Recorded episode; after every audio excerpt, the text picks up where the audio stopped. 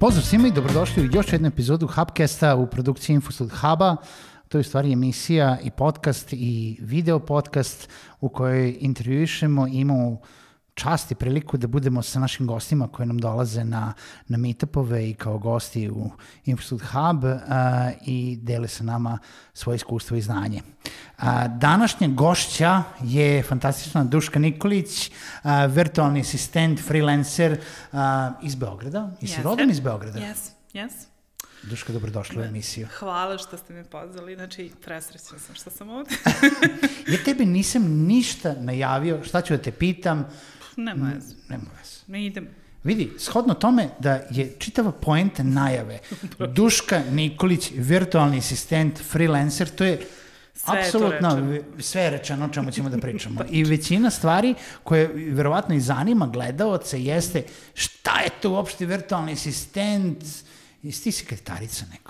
Jo, da, to, znaš, nekada malo mi bude, nije da mi zasmeta, to mislim da treba o tome uvijek da razmislim Dobro, zašto kad neko kaže. pričali smo o tome, zovu se office manageri, nije office to. Office manageri, to već zvuči bolje. Nekako no. mi, znaš, onako zvuči da, nam bolje Ali to ne znači ti ideš da nabavljaš ono tipa toner i papir za da. štampač, jer na to se svode office yes, manageri, yes. kafe, kuvarice i ostalo. To. Virtualni asistenti su ipak nešto drugo. Jesu, ali jesu počeli kao virtualne sekretarice. Moram to da, mislim, tako i jeste počela. Ona kao cijela njihova istorija koja je meni bila interesantna kad sam istraživala za jedno predavanje koje sam radila, da oni postoje od 90. godina, ono, Amerikanci su na vreme shvatili prednost da pošalju svoje sekretarice kod kuće da rade. Dobro, ali oni su imali internet od 90. Jest, godina. Jeste, pa dobro, imali smo i mi. Imali smo, ali onaj dajla. Malo smo krali. Pi, pi, pi, pi, Sećam se to. To su moji prvi koreci. Ali jesu počele uglavnom sa tim nekim administrativnim poslovima koji mogu da se obave online. Znači, koji mo, sve što možeš da pošalješ preko maila, sve što možeš da zakažeš sastanak kada to nije iz kancelarije ili bilo koje, znači trudili su se bukvalno kako je to počelo 90. godina, da što više to negde pošalju kod kuće i da se od kuće radi. A onda je internet podivljao i kako je internet podivljao, sa tim su sve želje ljudi koji žele da se, jel te... Ratosiljavaju svojih obaveza, prebacili to na virtualne asistente. Jeste, da. Ja mislim da virtualni asistenti postoje zato što ono kao ljudi, nemaju ne više vremena, nego volje da se bave nekim stvarima, a imaju jel, na neki način viška para. Pa znaš da nije samo toliko volje, nego su došli do toga da su shvatili, čekaj, ili ću ja da potrošim 20 sati da naučim kako da, ne znam, budem admin na svojoj Facebook stranici, ili ću da unimim nekog ko će, pa za relativno neki novac koji nije toliko veliki, da mi bude admin, a ja ću tih 20 sati da on, uložim u posao. Ići ću na, ne znam, seminar, seminare, pričat ću sa, ići ću na sastanke. Znači, Zapravo radit ću ono što mi donosi više novca. Upravo, znači da bi posao mora, mislim da bi on mogao negde da napreduje, mi moramo da delegiramo. Znači, ono, one man show funkcioniše jedno vreme dok se gradimo i dok rastemo, ali onog trenutka kad počneš baš da lepo radiš, tebi je potrebna pomoć. Što brže naučimo da delegiramo, samim tim ćemo, jel te, pojačati i, ne znam, rad sa klijentima ili ćemo naći nove načine da zarađujemo. Dobro, to, to se dešavalo i pre interneta, to se dešavalo u bilo kojem, što da. kažeš, office menadžeri, sekretarice, zato su ih i unemljivali, ne zato da sede da izgledaju lepo, možda su neki zato ovaj, ovaj, unemljivali, ovaj, da bi jel, da primali uh, klijentelu uh, kao tako, ali uh, najviše zato što smo obavljali to jest posvećivali svoje vreme nečemu što nam donosi pare, a ove sitne poslove obavljali nekom. Jel? Baš zato što si rekla, u nekom momentu to više nisu samo ti office menadžeri, nije samo potrčko, nije uh, nabavljanje najprostijih stvari, pa si pomenula sad i admina stranici da li sada onda virtualni asistente možemo negde kazati da ono treba mi onaj unicorn koji zna sve živo, ili si virtualni asistent, aj, bolje da kažemo ovako, da li je sa jedne strane uh, oni koji tek treba da uđu u posao virtualnog asistenta treba da se uplaše koliko stvari treba da znaju, ili se virtualni asistenti zapravo dele na neke E, ja, ja radim, ne znam, admin na page-u i, ne znam, radim research i radim, ne znam, e-mailove, a ovi drugi su, ne znam, telefonski, sales, zakazivanje sastanaka. Ili je Znaš, ono, šta je potreba? E, mislim, znaš kako, prvo kako se razvijao internet i kako su se prvi put pojavile društvene mreže, tako je onda i nastala potreba, naravno, da se nekako, pa, odmah pametni ljudi su prešli da rade eventualno sve što tamo mogu. Onda kako su se socijalne mreže razvile, tako je sad imamo dosta, na primer, tehničkih stvari gde virtualni asistent može da pomogne. Na primer, ti vrlo dobro znaš šta treba da se uradi da bi se organizovao jedan webinar. Koliko zapravo tebi je potrebna pomoć i koliko ti možeš da outsourcuješ pomoć da ti olakša, makar neko ko će sa strane da sedi i da prati pitanja koje dolaze, a da ti ne moraš da radiš sve odjednom i sve. Tako da oni na neki način ušli su u sve sfere. Znači, sada se nalaze svuda, jer gde god je potrebna pomoć, tu je neko ko se već sada, na neki način, ja to uvek zovem prekvalifikacija. Znači, naučio je, prešao je i sada to radi. Ali ono što je po meni, mislim, tu ta mogućnost jeste, uplašite prvo. Znači, vidiš sve te poslove koje možeš da radiš, ali upravo zbog toga počneš od onoga što si već pre radio. Znači, ako smo bili office menadžeri ili ako sam kao ja menadžer u knjižari, da je prvi put kad sam čula za posao virtualnog sveta bilo je, ja to ne znam da radim, a onda mi je trebalo neko vreme da shvatim da sve te prvobitne poslove koje sam imala sam radila u knjižari. Znači, da li je to bilo ubacivanje um, artikla ili ti knjiga u sistem, a ovde je bilo ubacivanje podataka u Excel. Znači, bukvalno, znači ja sam već imala to iskustvo.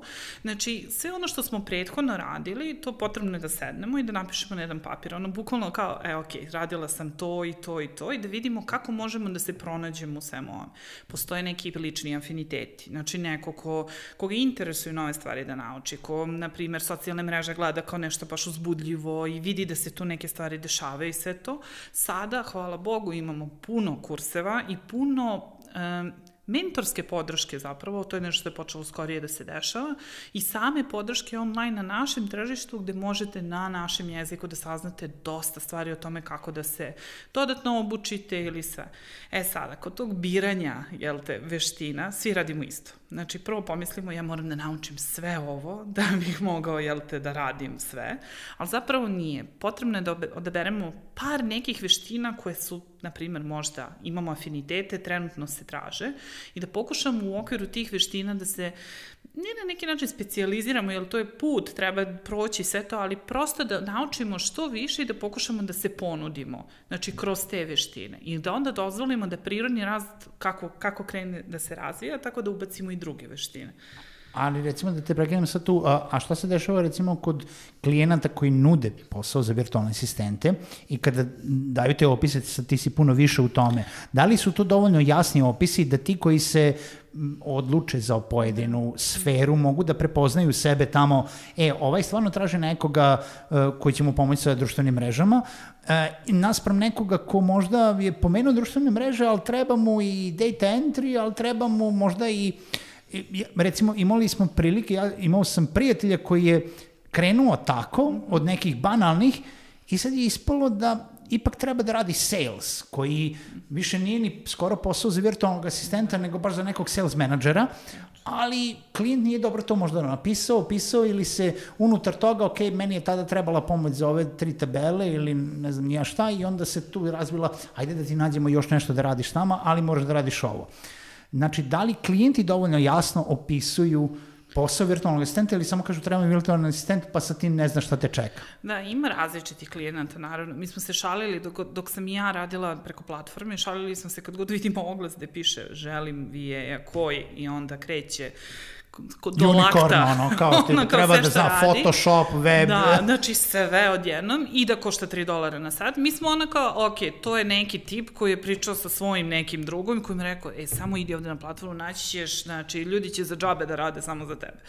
Znači, uglavnom, ono što sam ja naučila kroz svoje iskustvo, klijenti misle da znaju šta im treba, uh mhm. ali uglavnom ne, ne znaju do kraja. Kao i obično. Mislim, ti tek kad uđeš u razgovor sa nekim, vidiš koje su sve te mogućnosti.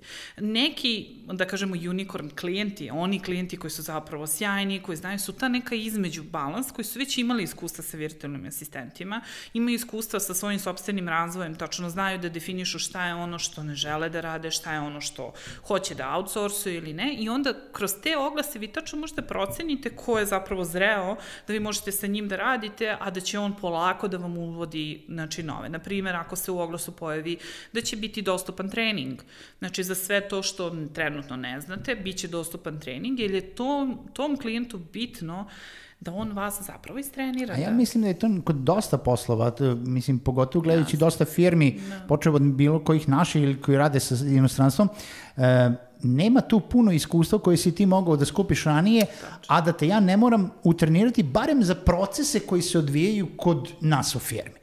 Tako da uvek mora da bude, postoji neki određeni trening. Kako ne, ali mislim da smo prešli baš ono dugačak put od toga, e, ja sam sad došla na platformu i ovde su ljudi koji će sve da rade i ja ću sa njih to, jel te? Pa onda da smo shvatili da kao klijenti ipak moramo da se potrudimo, znači da ukoliko želimo da platimo određenu cenu, znači od 3 do 10 dolara na sat, mi ne možemo nije da ne možemo da očekujemo, nego moramo, budemo svesni da moramo da treniramo ljude koji će raditi nas. U svaki, mislim, za svaki posao vi kada radite sa drugim ljudskim bićem, a želite da taj odnos bude dug, znači da se razvijate, vi morate da ga istrenirate za vaš posao kako god. Mogu ja da znam sve o socijalnim mrežama, ali ako ove, kroz te socijalne mreže postoji nešto što je specifično za to klijenta i on je tako želi tomu donosi rezultate, savršeno normalno da on meni kroz trening ili jedan video tutorial pokaže ja želim da se stvari ovako rade.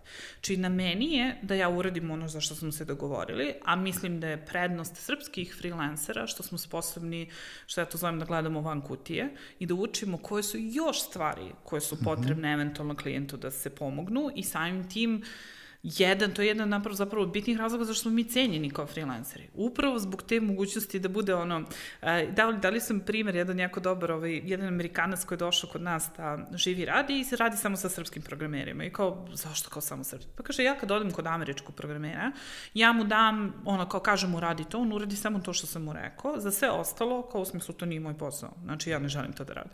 A kaže, srpskom programeru, kad nešto daš da radi, ovaj kaže, dobro, e, vidi, treba i ovo da uradiš, treba i ovo, daj, sad ću to ti ja na brzaka završim i, van toga čak završi i više nego što je ono. I on zna da može bilo šta da da njemu, jer zna da će ovaj da sagleda sve to sa svih tačaka i da mu nije teško da završi, jer zna da gradi s njim samim tim neki duži odnos i sve. Tako je i sa svima nama koji se bavimo uh, sad ovim, da kažemo, modernim poslovanjima. Znači, shvatili smo da je komunikacija sa klijentima slična kao kad smo radili ono, u svojoj kancelariji, ali postoji sad taj drugi nivo gde se mi cenimo ne samo zbog toga što tehnički znamo da odradimo nešto, nego je upravo ono što meni lično je falilo u mom da ga nazovem kancelarijskom poslovanju, a to je da me neko ceni i da ceni moje te kako ih zovemo na, na srpskom, soft skills. soft skills. soft skills. znači, Mekane veštine. Mekane veštine.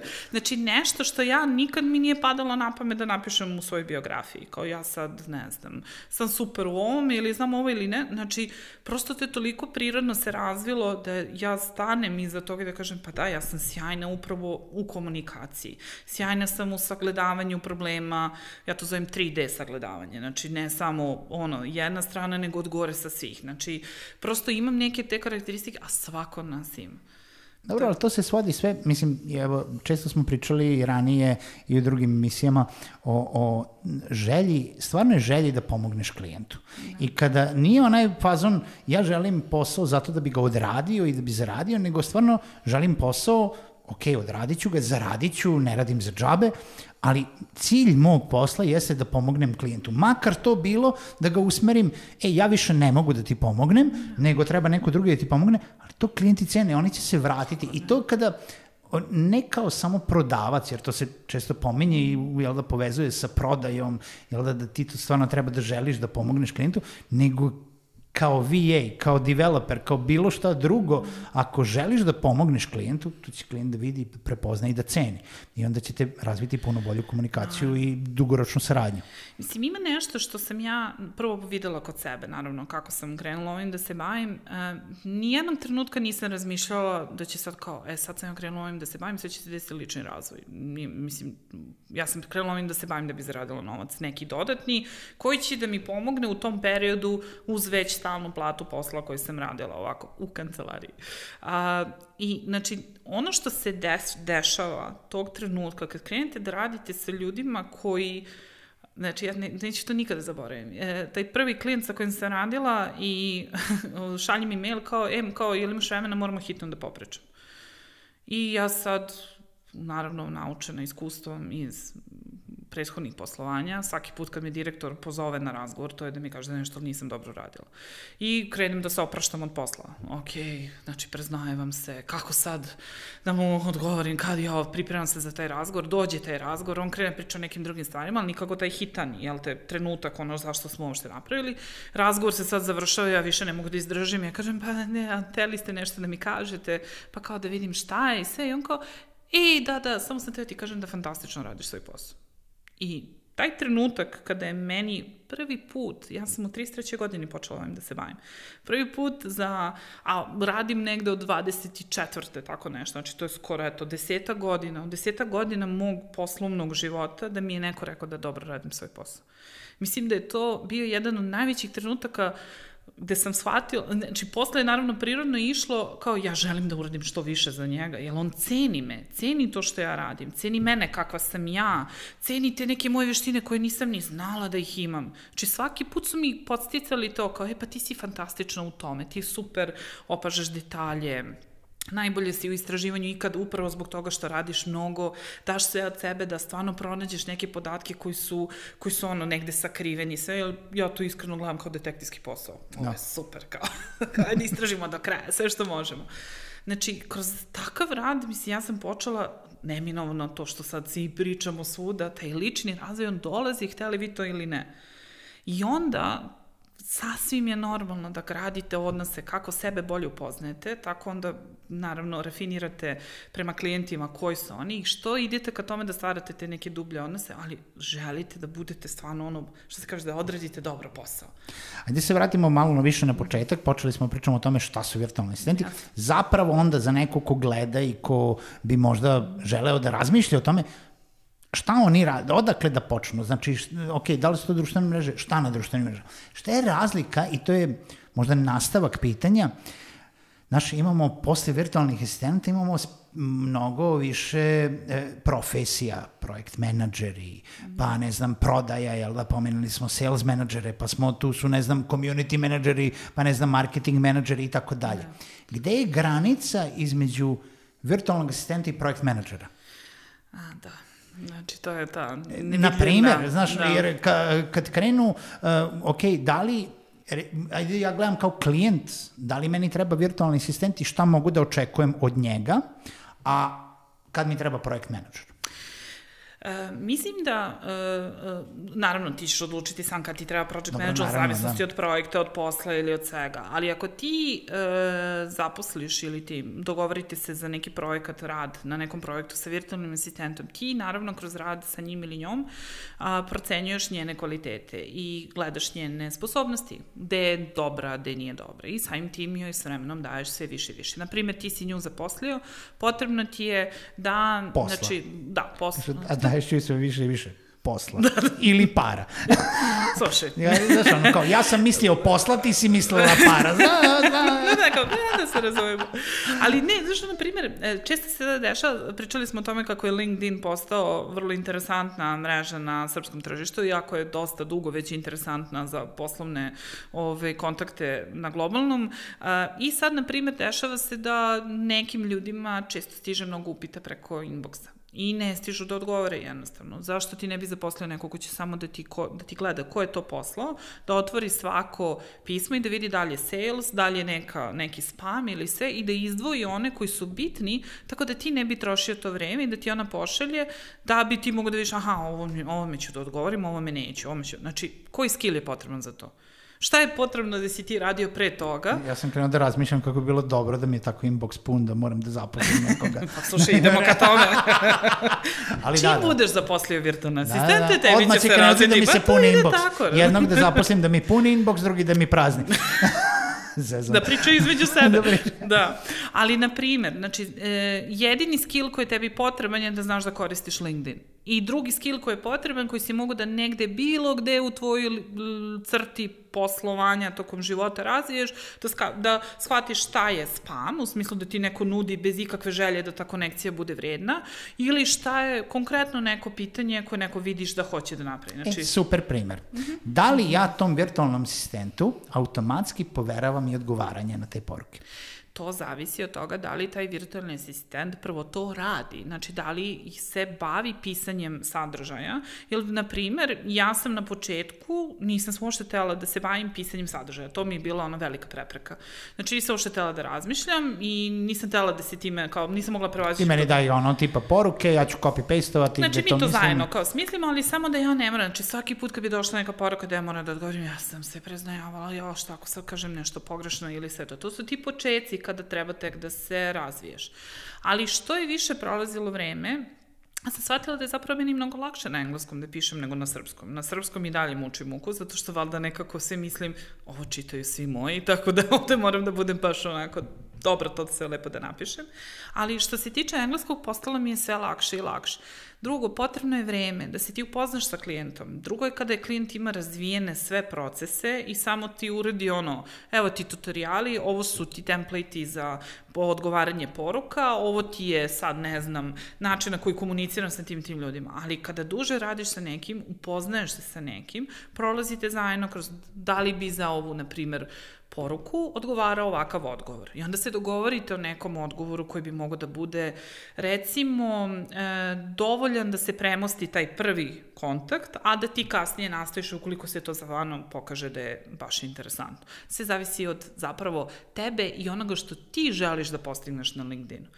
Da li je tebi cilj da ti njemu nešto prodaš ili je tebi cilj da se povežeš ili je tebi cilj nešto drugo. Sad to sve, znači mora prvo da se definiš. I to opet se vraćamo na tome, jel da, ono tipa ko je, koliko razvijen u stvari kao virtualni asistent i opet dolazimo do toga da šta bi ljudi trebalo da gledaju za početak. E, za početak ima dosta sadržaja. Trenutno. Pričamo kao neko ko želi da bude jasne, virtualni asistent. Jasno. Prvo ukucamo u Google virtualni asistent na srpskom, zato što će izaći... I izađe ovaj podcast. Izađe prvo ovaj, naravno, podcast. Ove, izađe, čak si ti, kog se ja sećam na webinarijuma imao za neke virtualne ima asistente. Ima svuda. Ja, svašta nešto. Ne, ko je to bio prvi na ovom tržištu u svemu, tako da, molim te. Ove, znači, ima dosta sadržaja na srpskom jeziku trenutno, dosta članaka koje smo ne mi koji se bavimo bavimo ovim poslom duže, a sada smo počeli da se bavimo i edukacijom.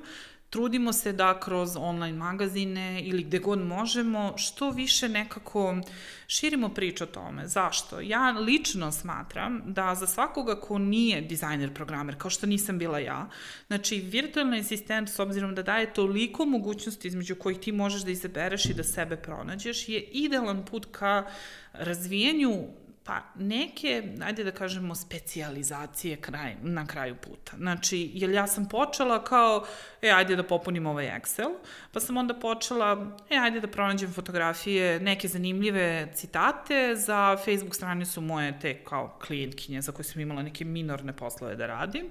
Pa sam onda počela tako što moj prvi veliki zadatak je bilo istraživanje, e, ona se bavila nekim online programom koji leči traumu iz tela i tražila je da je pronađem e, sve moguće fizičke aktivnosti koje izbacuju traumu iz tela. Naprimjer, yoga je jedna od njih, ili ona ide i na taj emotivni deo i onda sam ja to stvarno, wow, ovo je baš zanimljivo, daj da vidim šta sve ima.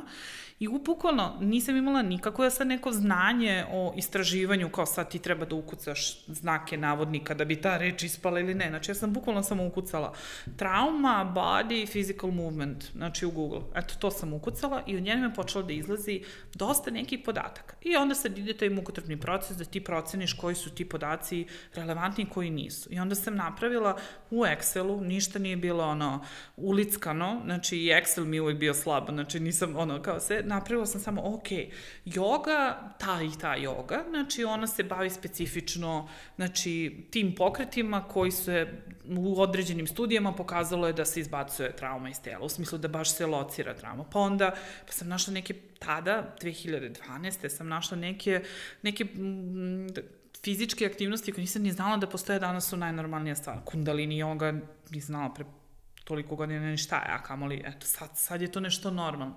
Znači, to je moje bilo prvo koje, jedino što od veština što sam ja imala u tom trenutku je bilo moja to, da pretražim uh, uh, gledam film i kao ovaj glumac i kako se zove i daj da pretražim, onda ukucam ime tog glumca i onda mi izađe sve o njemu, podem da gledam koje filmove glumio, podem im koliko je devojka, podem im koliko ima para. Misli se... Ode, odem da gledam ne, nešto drugo i onda setim se, imam posla da radim. Da, da, to, to, to. Ali, ove, ali hoću da kažem da e, to je najteže objasniti ljudima. Da oni već trenutne veštine postoje, zato što su to normalne ljudske veštine kojim, s kojim su oni ušli, da što se kaže u odrasli svet i kroz posao rade i sve.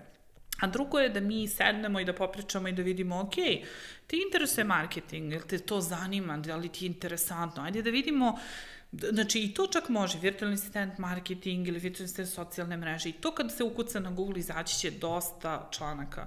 E, Nikolina Andrić, znači koju oboje znamo, ona ima kurseve, sada trenutno ima i, i, i mini, mini radionice i kurseve i sve. E, ja isto sa jednim kolegom pripremam jednu marketing radionicu, to je za marketing asistente, znači za buduće. Znači, postoje sada mnogo više načina da vi saznate i da proverite da li je to baš za vas i da pitate, znači da pronađete nas koji se time bavimo i javno pričamo o tome, da nas pronađete na Facebooku, kliknete na message i pošaljete poruku i kao, da li, ako vi sami niste uspeli da nađete, da li biste mogli samo da me uputite gde bi mogo da nađem i onda vas mi uputimo gde biste mogli da nađete te neke podatke. Ovaj, I onda im ti pošalješ ono celu jedno ono pripremljeni dokument da ono kao, kao jel mi možete reći da imamo sve da ono kao da ti ono kao evo, evo ti ovo pa, copy, copy paste linkova zato što te već pitalo 20 yes, ljudi pre toga yes. ili pogledajte jedan drugi ono tipa snimak, predavanje, webinar, dođite na konferenciju,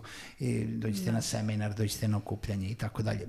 Naravno, najbitnije je ljudi da krenu da pitaju i da. to uvek ono kažemo, dođite na događaje, dođite na meetupove, ima toliko događaja i komunicirajte jedni s drugima, niko od nas ti prva koja ćeš posle ovog uh, snimanja održati meetup kod nas u Subotici, nisi došla samo da održiš meetup, da se pokupiš i da pobegneš, tu si zato da te ljudi pitaju. Ja. Nažalost, ove Subotice, znamo svi kako ćete da prođete, gledam u vas, ovaj, znate ko ste, ovaj, ali to je, znaš, ono kao... A, da. biće, biće bolje. e, idemo ka tome, idemo, idemo ka tome idemo da ka bude tome. bolje. Um, kada jednom se odluče da budu virtualni asistenti, Gde virtualni asistenti danas rade? Gde mogu da nađu posao? Da li su to samo, ponovo opet freelance platforme, Upwork, freelancer, ko, koja god, ili zapravo postoji tržište za virtualne asistente i van freelance platforme?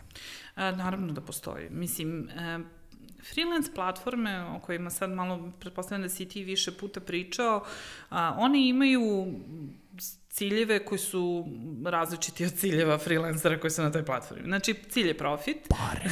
cilj je profit maksimalni i tačno se vidi, nažalost, na štetu freelancera. Svaka od tih platformi ide ka tome da više staje na neki način na stranu klijenata, a ne na stranu freelancera. Ja sam počela na e-lens platformi koja je mene čuvala od svake moguće malverzacije. Znači, nije bilo šanse da meni neko ne isplati novac ili da odustane od samog ugovora, a da ne kaže tačno zašto ili kako. E sada, dosta se toga promenilo na samoj Upwork platformi koja je jedna od najvećih trenutno, ali, na primjer, ono što je sada novina, to je da vi ako sad odete na platformu i poželite da otvorite svoj profil i upišete da znate administrativne stvari i da kao ste virtualni asistent, uh, Upwork će vas odbiti.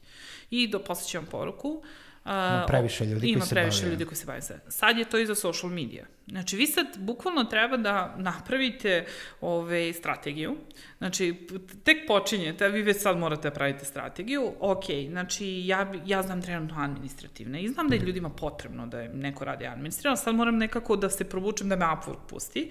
Koje od tih ostalih ono što oni nude kao veština, ja znam da ću u sledećih mesec dana naučiti malo više. Znači, ako je to marketing ili ako, neki, ako neko ima tehnološke sklonosti, znači u smislu da mu se sviđa da vidi landing page i onda ode na internet ukuca kako se kreira landing page i izađe, postoji milion programa koji kreiraju landing page i onda se više krene da istraže, ok, a šta su bitni elementi landing page-a i onda se više kreneš da istražuje i onda kad sebi kaže, ok, ovo možda mogu za mesec dana da naučim, dovoljno da nekome korigujem neke stvari unazad. Znači, mogu da kliknem i tu veštinu. Ovo je sad jedan samo primer, mislim, naravno, malo onako dublje može da se uđe, da se pogleda. Ali, um, I ja sam izašla s te platforme pre 3-4 godine, sad već 3 ili 4, izvinjam se, hvala, kubim pojemo vremenu, a, zato što klijenti kada smo prelazili sa Elance na Upwork su um, jednostavno izrazili želju da radimo direktno, nisu hteli uopšte da se bakću s tim prelaskom na druge platforme i od tada, zahvaljujući klijentima koji me preporučujem drugima, radim direktno, a kada sam imala želju za novim klijentima, onda sam počela da koristim Facebook i LinkedIn kao opcije za traženje. E sada, Upwork u neku ruku mogu ljudima da kažem da je to jedna brza poslovna škola, gde vi kad uđete na tu platformu, vi ćete za par meseci naučiti da prepoznate lošeg, da napravite razliku između lošeg i dobrog klijenta, da naučite kako izgleda dobra ponuda, kako izgleda da napišete dobro pismo, da prolijete znoj dok smislite koja vam je cena, ali da krenete da probate i da vas odbiju i da naučite koliko da, i da bukvalno izučite kao neki zanat na samoj mreži jedan brzinski kako zapravo da procenite ko je najbolji sad pristup, ako vam je, ne znam, satnica 7 dolara, da li za ovaj posao ipak da date 6 ili da li da će trajati duže, pa, znači, to je sve ono što vas nauči rad na platformi i iznad svega vas nauči uh, taj sales, kako sebe da prodate. Znači, to ne ide lako, jer mi svi instinktivno imamo tu želju da se ne prodajemo, da kao što manje pričamo o sebi, a što više o tim stvarima koje znamo kao da radimo, ali da nisu vezane za nas, ali vas nauči, Upwork vas prinudi, kad, mislim da je prosto sebe naučite kako da prodate. Tako da, kad ste već tamo ili ako uspete da uđete, par meseci tamo da sve to što se kaže, e, e, kako se kaže za zanat, da se Pa ispeče da, zanat. Da se ispeče zanat. Da se da. ispeče zanat je sasvim dovoljno, što će vam dati dovoljno hrabrosti da onda probate na mrežama koje nisu klasične poslovne mreže, kao što je Facebook i LinkedIn, i samim tim imaju malo drugačiju strategiju, ali verujte mi, posla ima toliko da samo treba da, ono, što se kaže... Zaronite. Zaronite. A, na primer, evo za Facebook kao primer, um, Digital Nomads, znači kad kliknete, kad ukucate u search na Facebooku, Digital Nomads, izađu sve mogući pojmovi što su vezani, između ostalo kliknete na grupe. I onda vidite da Digital Nomads, ja mislim da sad ima možda čak i oko 100.000 članova. Znači, digitalni nomadi su ljudi koji su razvili svoje biznise da bi mogli da putuju, jel te, i da uživaju svom životu. Oni ne bi nikad mogli da razviju svoje biznise, da putuju, da nemaju outsourcing ili ti da ne delegiraju svoje poslove raznim asistentima koji te rade. Znači, u toj grupi se na svakodnevnom nivou traži virtualni asistenti, e, traži se pomoć za koje kakve delove, sad šta god, administrativno, tehnološko, marketinški, šta god.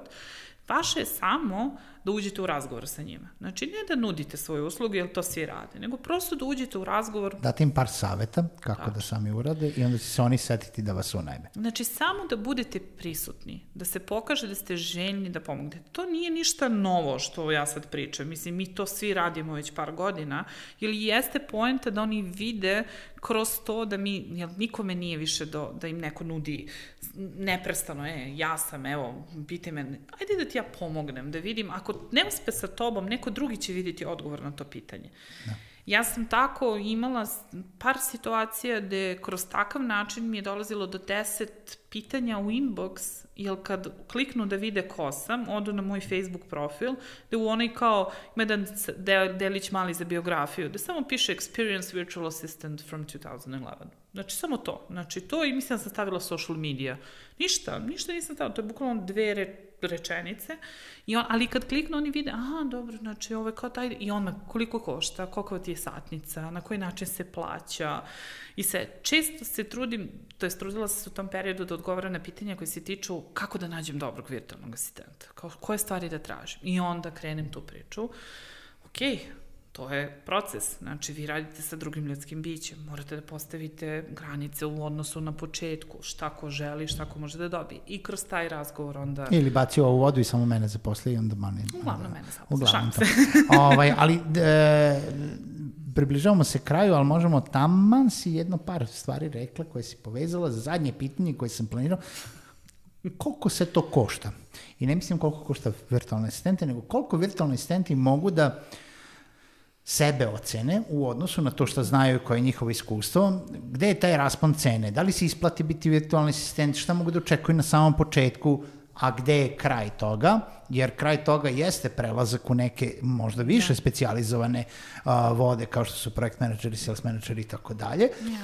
Znači, šta je ono na početku? Jel mogu ljudi da krenu uh, da, mislim, ono što Ajde da vidimo šta bi ti odgovorila na ovo pitanje, pošto ja svima kažem, pa onda ne znam da će se setiti. Ovaj, kao, ja želim danas da dam otkaz i da počnem da budem virtualni asistent. Da li bi to bio pravi, ovaj, pravi put za mene? A, ne bih nikome preporučala da daje otkaz. da date otkaz znači, dok, dok ne probate. Dok ne probate, do, mislim, ono što će vas definisati kao virtualnog asistenta je istraživanje koje ćete uraditi o virtualnim asistentima, znači da.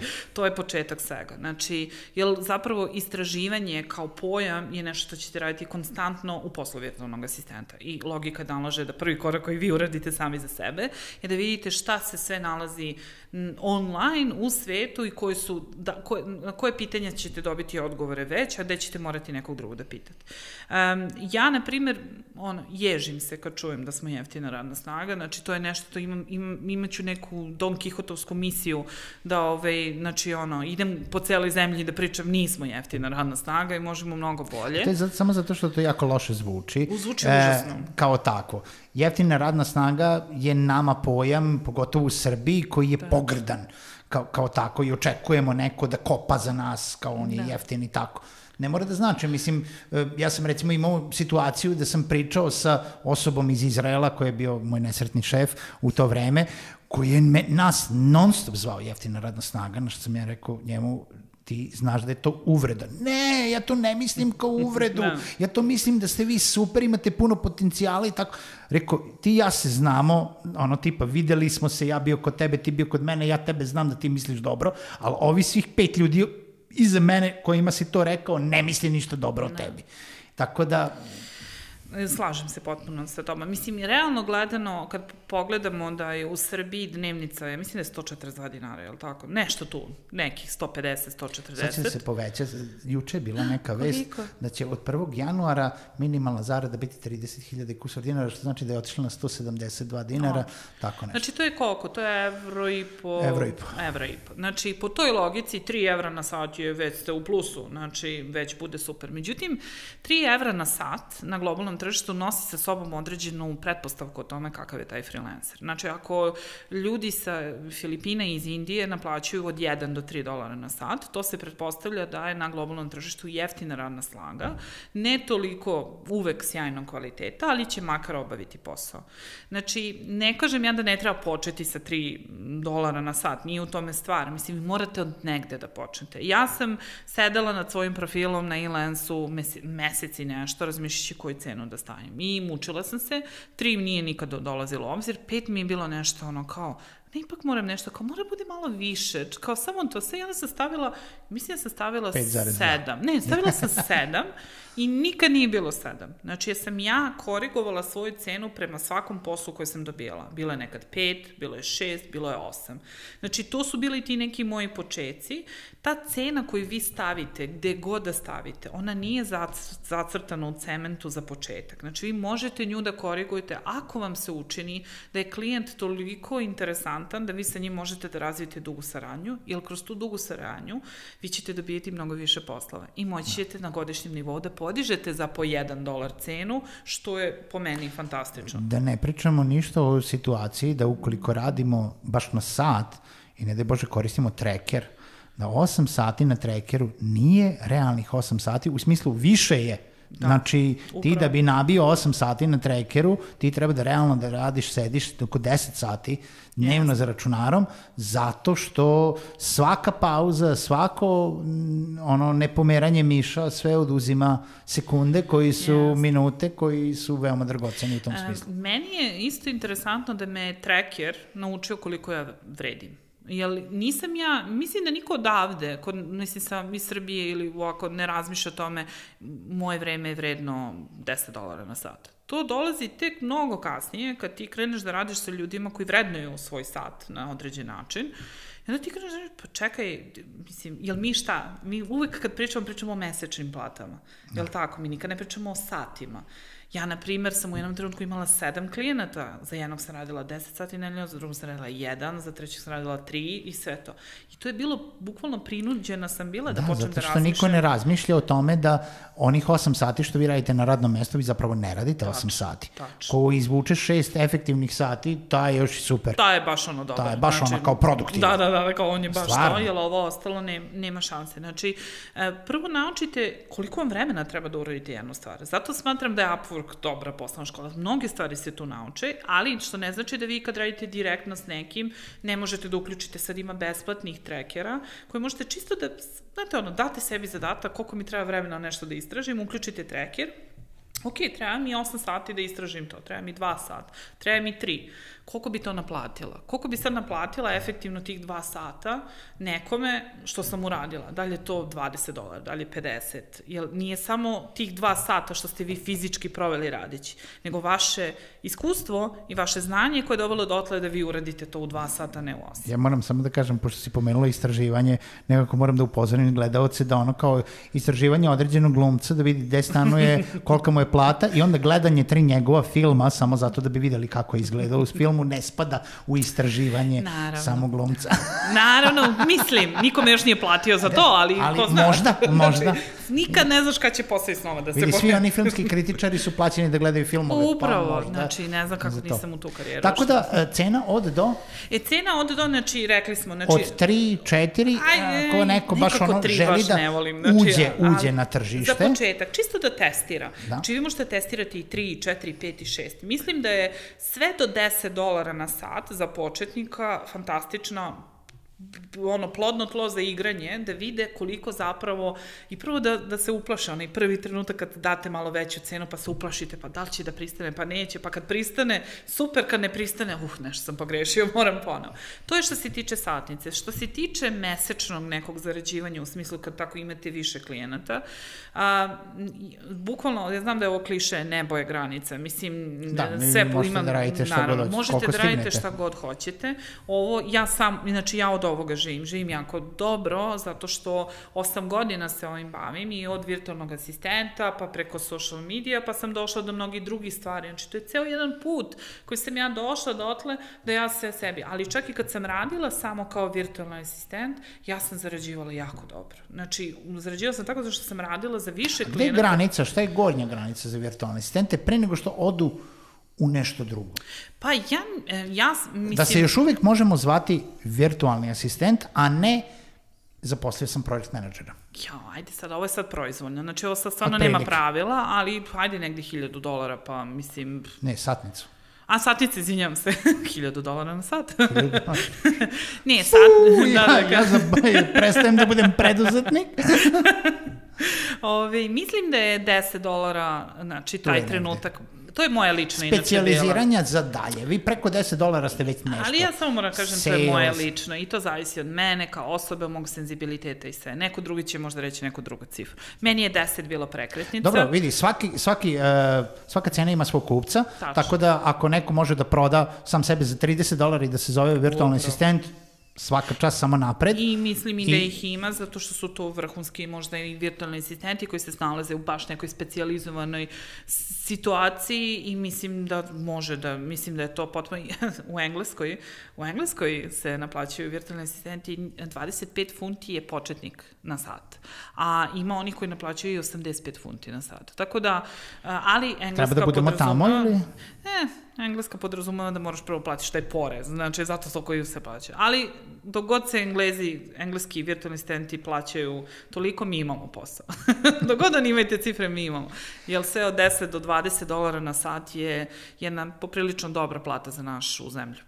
U svakom slučaju, virtualni asistent, kao što je Duška rekla, jeste odlično startno mesto za sve one koji nisu programeri, dizajneri, jel tako, uh, copywriteri možda, koji, koji imaju to neko opšte znanje, i Srbija je inače poznata po tom opštem znanju, mm. ono tipa ceo naš obrazovni sistem.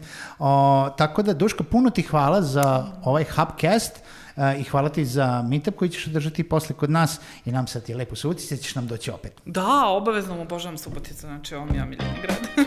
Vidimo se u narednoj epizodi Hubcasta.